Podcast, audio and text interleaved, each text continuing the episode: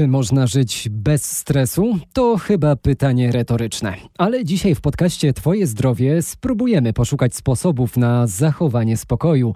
Marcin Czarnobilski, zapraszam. Na stres narażeni jesteśmy praktycznie nieustannie. Oczywiście nikogo nie trzeba przekonywać do tego, że czasami jest pomocny, by zmobilizować nas do działania. Jednak w innych przypadkach, zwłaszcza jeśli jesteśmy wystawieni na długotrwały stres, jego negatywne skutki od razu zauważymy to obniżenie odporności na infekcje wirusowe, zwiększona męczliwość, obniżenie popędu seksualnego, możliwe zaburzenia spostrzegania, zaburzenia łaknienia, mogą też wystąpić zaburzenia pamięci. Stres chroniczny e, zatem obniża naszą sprawność, efektywność na co dzień, obniża poziom naszego funkcjonowania, może prowadzić również do na przykład nadciśnienia czy choroby wrzodowej. Psycholog Tomasz Kafel tłumaczy, że samopowiedzenie sobie nie będę się stresował nie zawsze wystarcza, zwłaszcza w przypadku dzieci i młodzieży, które dopiero się uczą, jak radzić sobie z trudnymi sytuacjami. Silna wola może nie wystarczyć, również z tego powodu, że my mamy już pewne utrwalone, niekorzystne mechanizmy reagowania, których się wyuczamy na przestrzeni lat w różnych sytuacjach, i to mogą być takie mechanizmy unikania, które pojawiają się w sytuacji napięcia. Nie pozwalają nam rozwiązać, skonfrontować się z tą sytuacją, wykorzystać naszych zasobów do poradzenia sobie, natomiast nas jakoś dystansują, to, jaką osobą jesteśmy, jaki mamy poziom energii, czy jesteśmy bardziej otwarci, czy bardziej zamknięci, czy sumienni, to też wszystko będzie wpływać na to, jak sobie radzimy, czy wystarcza wtedy pozytywne nastawienie samo w sobie, czy też nie. Na poziom naszego stresu wpływa nie tylko nasze otoczenie czy ciężka praca, również to, co jemy, ma duże znaczenie. Co zatem jeść, żeby łagodzić stres? Posłuchajcie rad dietetyczki Aleksandry Krzan. Zacznę od tego, żeby jeść żywność nieprzetworzoną. E, warto skupić się na pełnoziarnistych kaszach, e, ryżach, warzywach, owocach, które dostarczą nam e, witamin, a także składników mineralnych niezbędnych do prawidłowego pracowania układu nerwowego. Białko dostarcza nam aminokwasów egzogennych, które nie są wytwarzane przez nasz organizm. Tryptofan jest prekursorem serotoniny, tak zwanego hormonu szczęścia, który działa łagodząco na układ nerwowy, rozluźnia. Jak wyglądają sprawdzone ćwiczenia na odstresowanie? Zobaczcie na portalu Twoje zdrowie rmf24.pl. To, jak reagujemy na trudne sytuacje czy wyzwania, zależy od naszej wrażliwości i od tego, jak rozumiemy bodźce stresowe.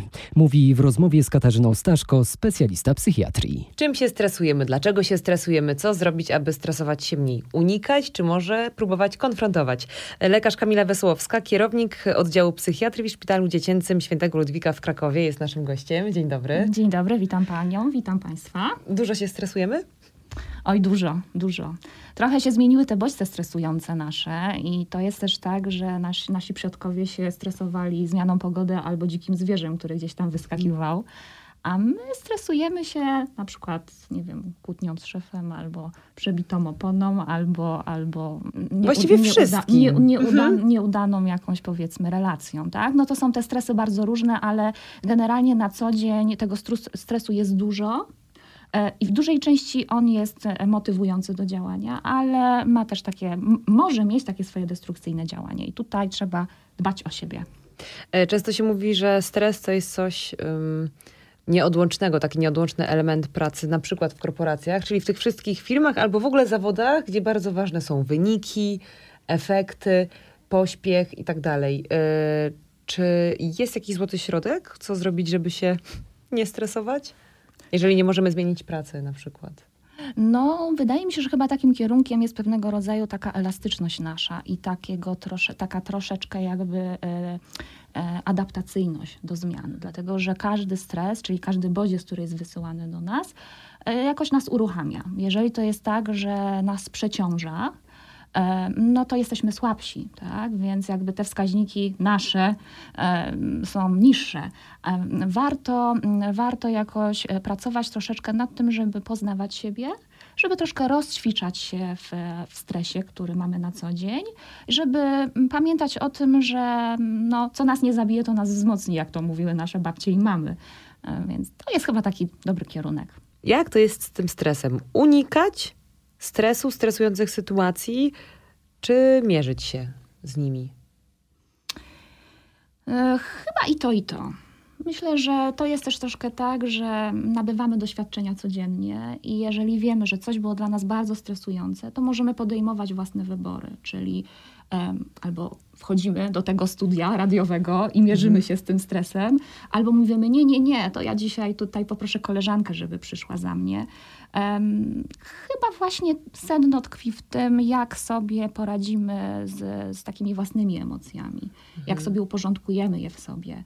I um, no, chyba frajda jest fajna, jak później się tutaj siedzi i, i, i człowiek sobie myśli, a było warto przyjść. Mówiła Kamila Wesołowska, kierownik oddziału psychiatrii w Szpitalu Dziecięcym Świętego Ludwika w Krakowie.